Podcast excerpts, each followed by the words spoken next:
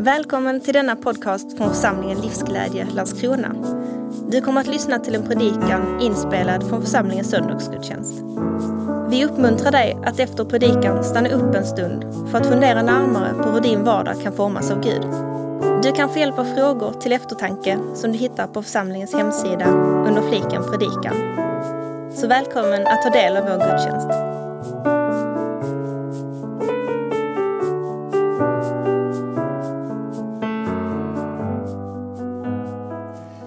Början av året så eh, brukar jag stanna upp en stund och fundera inför året som ligger framför. Och eh, den här eh, januari så kom ordet trofasthet till mig som en inledning på det här året. En uppmärksamhetsord att ha som ledord under en period.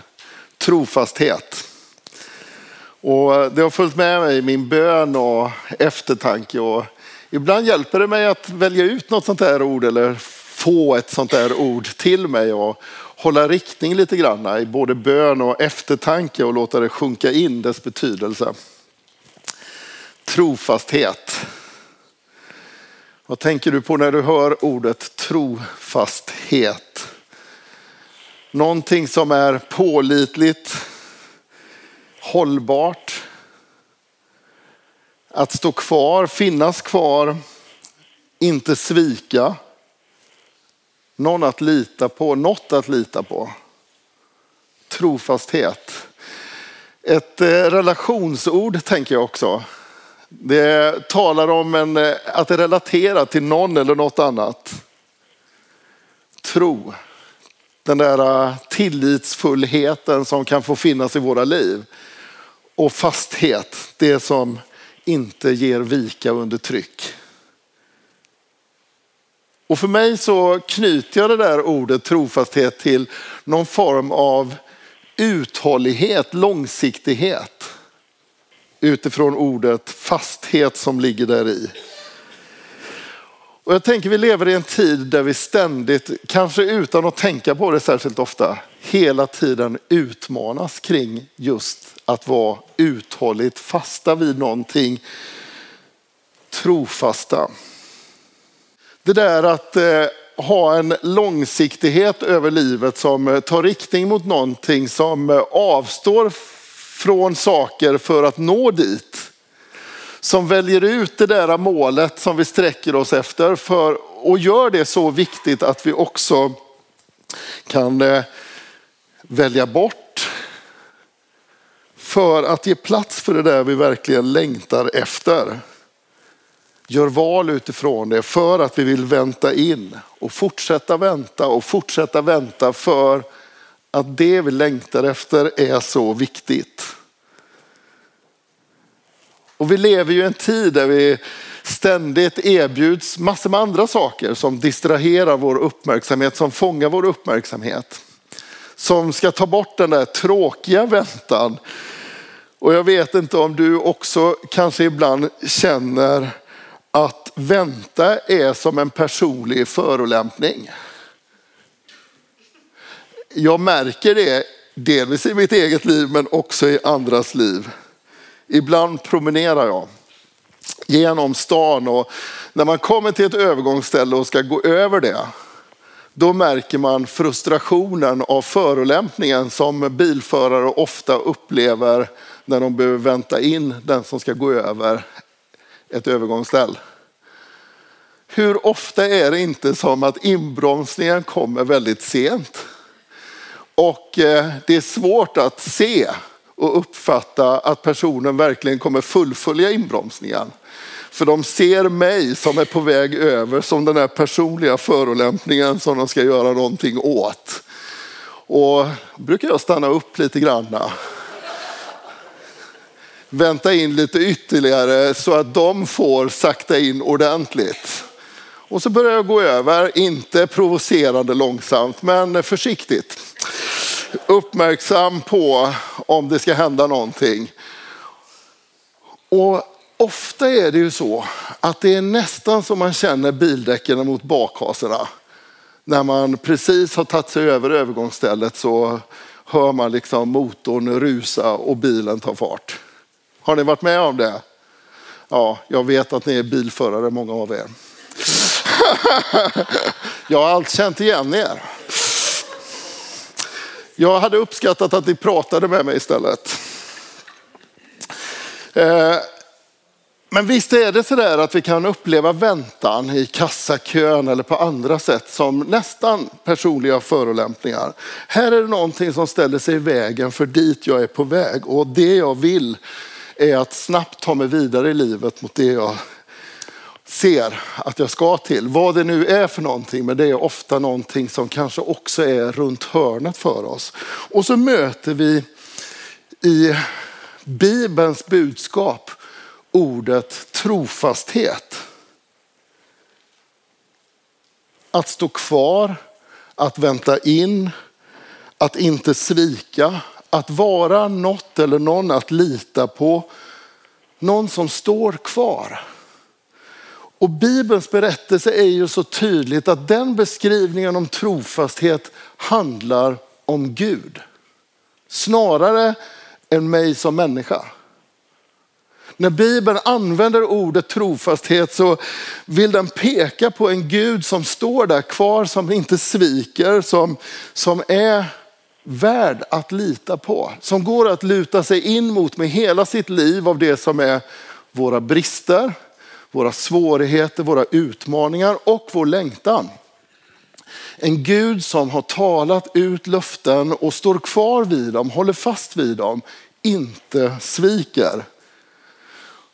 Och nu ska jag läsa några texter tillsammans med er den här morgonen om Guds trofasthet. Och vi börjar med psalm 36, vers 6-10 som vi har hört här lite tidigare i gudstjänsten.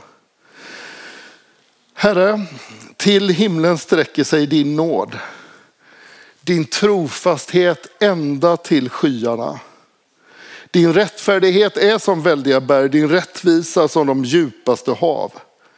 Herre, du hjälper både människor och djur. Din nåd är dyrbar och Gud, i dina vingars skugga finner människors tillflykt.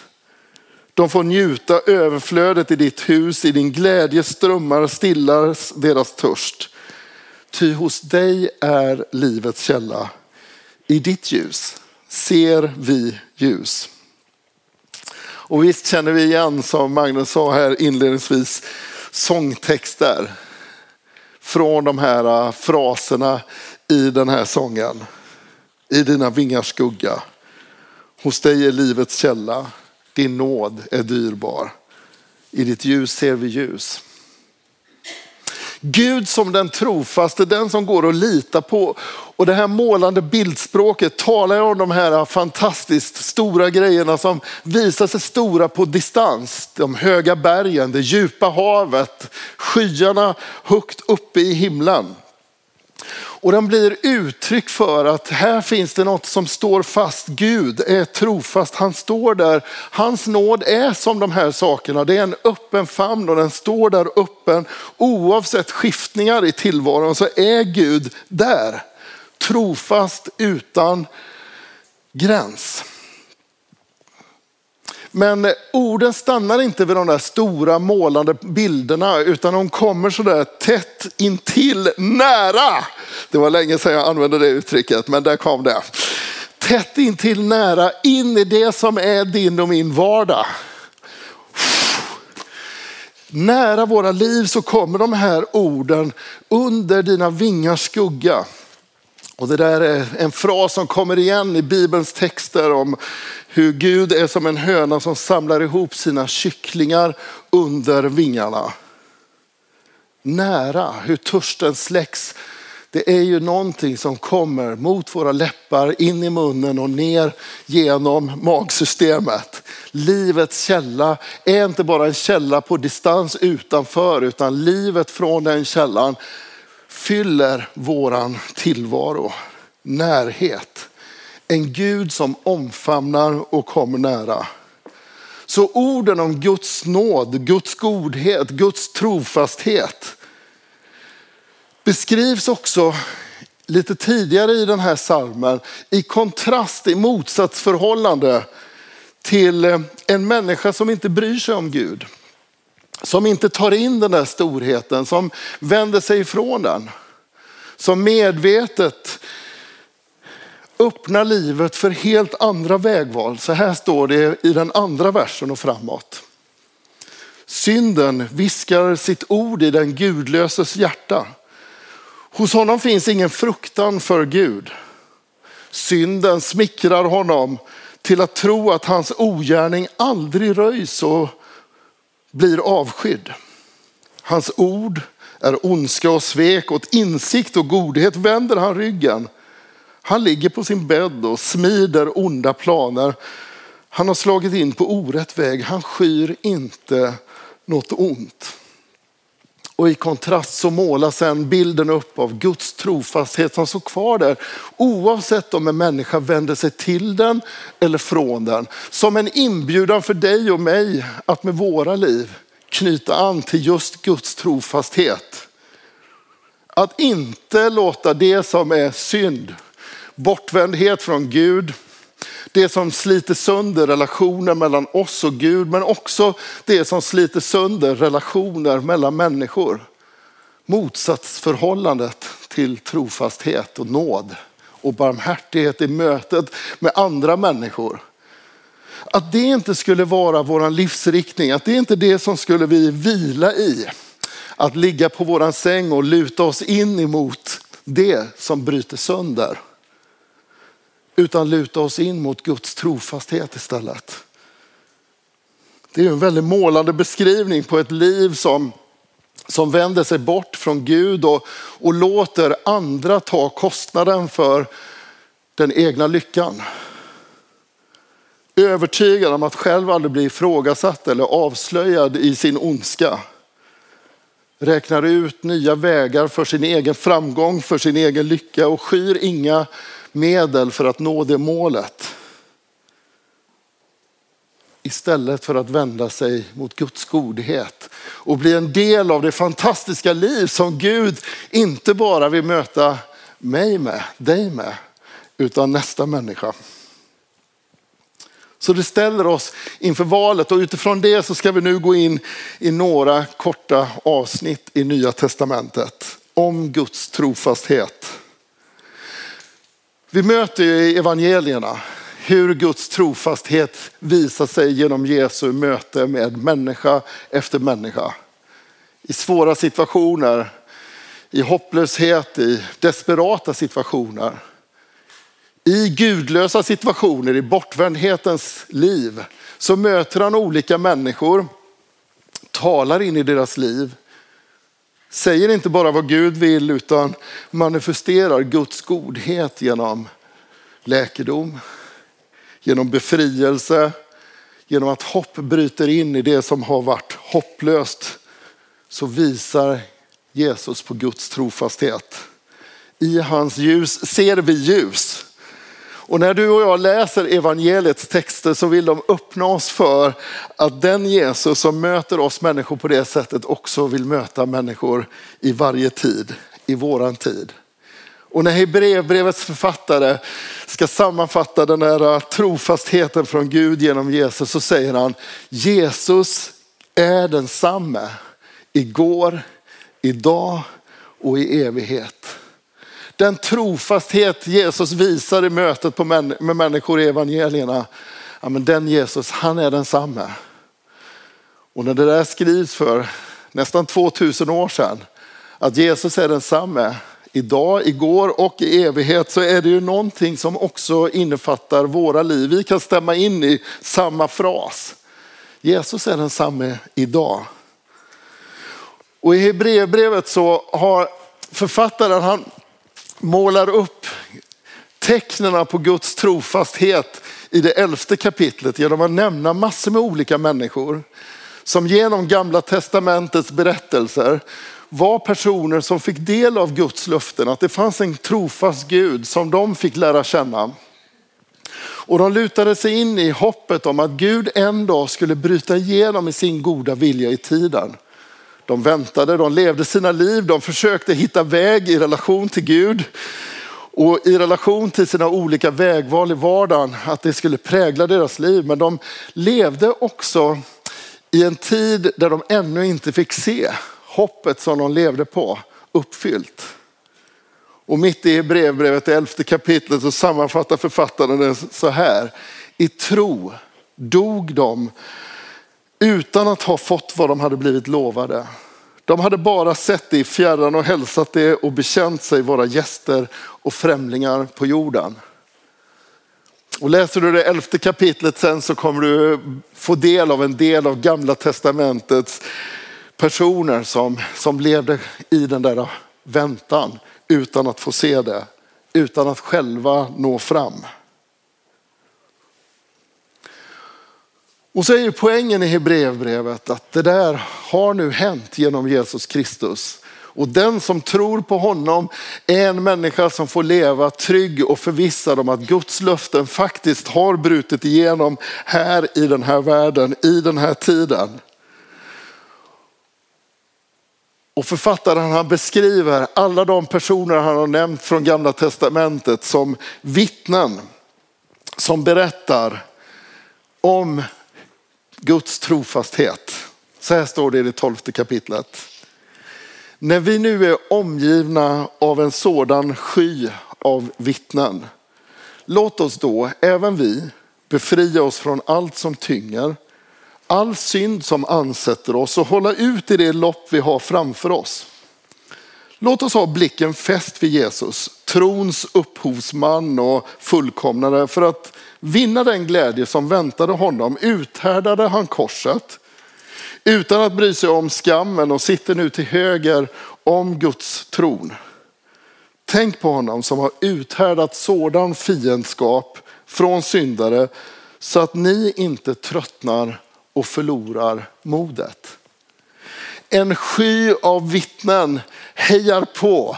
Jag ser framför mig Landskrona IPs eh, eh, fotbollsplan ligga där och en sky av vittnen hejar på laget för att de ska nå ända fram och vinna matchen. Försäsongen började ju igår och jag var ute på träningsplanen bredvid och eh, stod eh, i två timmar och frös. För att heja på laget inför säsongen. Helt meningslös sysselsättning. Men eh, ändå roligt på något sätt, tydligen. Tänk att det är människor som hejar på, inte som det ofta är ute på IP, att det också buas på spelarna när de inte når målet. Utan det finns liksom en sky av vittnen som står där och liksom, kom igen, kom igen, ni klarar det. Sätt fart, det där blir bra. Ah, ta nya tag. Tänk att det finns en sky av vittnen som berättar om Guds trofasthet genom historien. Så att du och jag ska hålla fast vid den. Och det är väl det som är vittnesbördets kraft som jag älskar när du och jag delar våra berättelser om Guds trofasthet med varandra kring fikabordet. När vi har stått där i kampen, när vi kanske fortfarande står mitt i det som är jobbigt och svårt. Inte har bönesvaret, inte har allting på plats, men står där med vår berättelse. Här har jag mött en Gud som förblir trofast mitt i det som jag inte har lösningar på. Här står jag med en Gud som har visat sig trofast i bönesvaret, i längtan, i förhoppningen. Visst är det det som hjälper dig och mig att bli stärkta i våran tro när vi möts i gemenskap, i gudstjänst, i relationer kring fikaborden, på promenaden och delar varandras liv och berättelser. Hur många gånger har inte du blivit stärkt av en annan människas berättelse om att det finns en trofast Gud? Visst är det så? Din berättelse, min berättelse i våran tur när vi delar dem med varandra blir ju stöd som hejar oss kvar att hålla fast vid den Gud som är verklig. Vi bär tron tillsammans. Och så säger den här texten, håll blicken fäst på Jesus. Hjälp varandra att hålla kvar blicken på honom. Håll ut i det. Tilliten till Gud som är närvarande här och nu. Som har varit närvarande genom ditt liv i allt det som har varit hittills. Och så kommer vara närvarande i alla de dagar och stunder som ligger framför dig in i evighet. Håll fast vid honom. Håll blicken vid honom. Och då kan man ju börja fundera på, finns det liksom, den här texten säger, finns det ett behov hos mig att släppa taget om någonting för att ge rum för den relationen? Finns det frestelser som kommer din väg? Synd som ansätter dig utifrån den här versen, versernas ord? Saker som vill ta upp all plats och din uppmärksamhet så att du tänker att livet är så bråttom och allt är så skyndsamt nu att du inte hinner ge rum för Jesus. Att du sätter Gud på undantag, att blicken fäst vid så många andra saker av oro, bekymmer, jagandet.